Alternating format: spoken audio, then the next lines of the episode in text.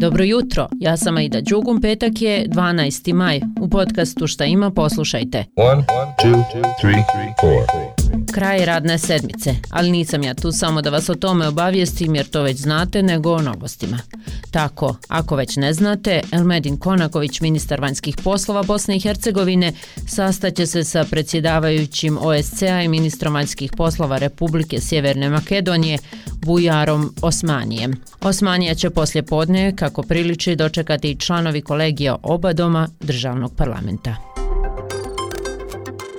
Oni koji se brinu o nama kad se ne osjećamo dobro, obilježavaju svoj dan, a nisu doktori, nego medicinske sestre i tehničari cijelog svijeta 12. maja slave svoj dan, simbolično izabran u spomen na rođenje Florence Nightingale, začetnice modernog sestrinstva. Glavna medicinska sestra u Domu zdravlja Vogošća Nihada Kulovac ističe odgovornost koju nosi ovaj posao, ali ukazuje na probleme kao i nedostatak kadra. I sami smo svjedoci da je migracija medicinske sestara i ljekara i uopće zdravstvenih radnika i tekako prisutna u cijeloj našoj državi i po podacima koji postoje naša država je treća na svijetu po broju odlazaka i po podacima od strane ICN-a 16 milijuna medicinskih sestara i tehničara fali na globalnom nivou. Najveći problem je velika opterećenost medicinske sestre, nedovoljno vrednovanje medicinske sestre, odnosno tehničara, kroz same financije.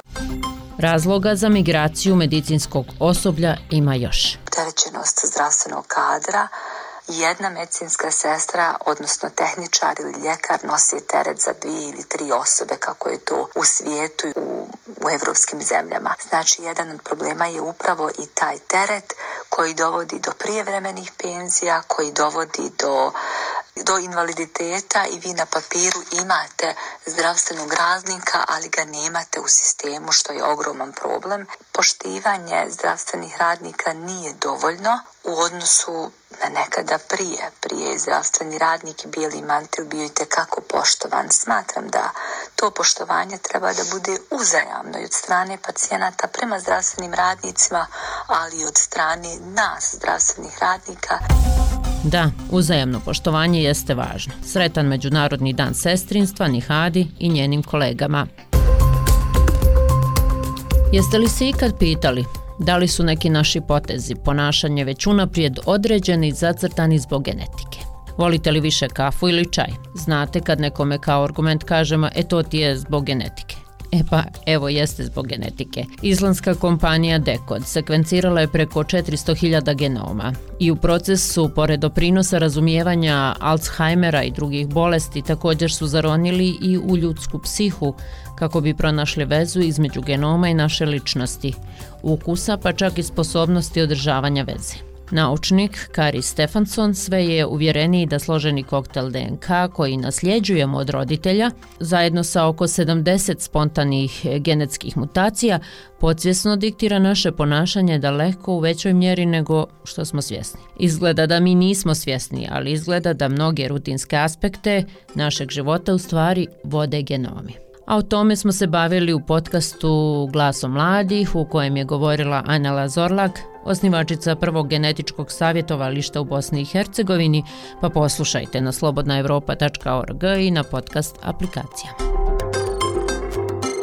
Još da vas podsjetim da je u subotu finalna veče Eurosonga, tada će se znati koja će zemlja biti domaćin narednog, jer zemlja pobjedničke pjesme donosi i organizaciju a u rubrici Zašto radija Slobodna Evropa bavimo se raznim pitanjima Eurosonga, od toga koliko ima politike u pjesmama, glasanju, pa i do inkluzivnosti. A koliko ima politike u takmičenju za najbolju pjesmu Evrope? To je debata koja se vodi svakoga maja.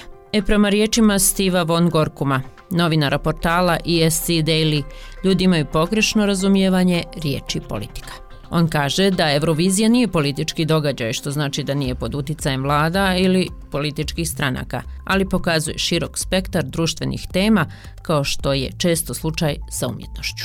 Pa eto, politika se ne može isključiti ni iz jedne sfere života, jasno je svima. A ipak ide vikend i zasluženi odmor za radni narod. Ćao, čao, odmorite se.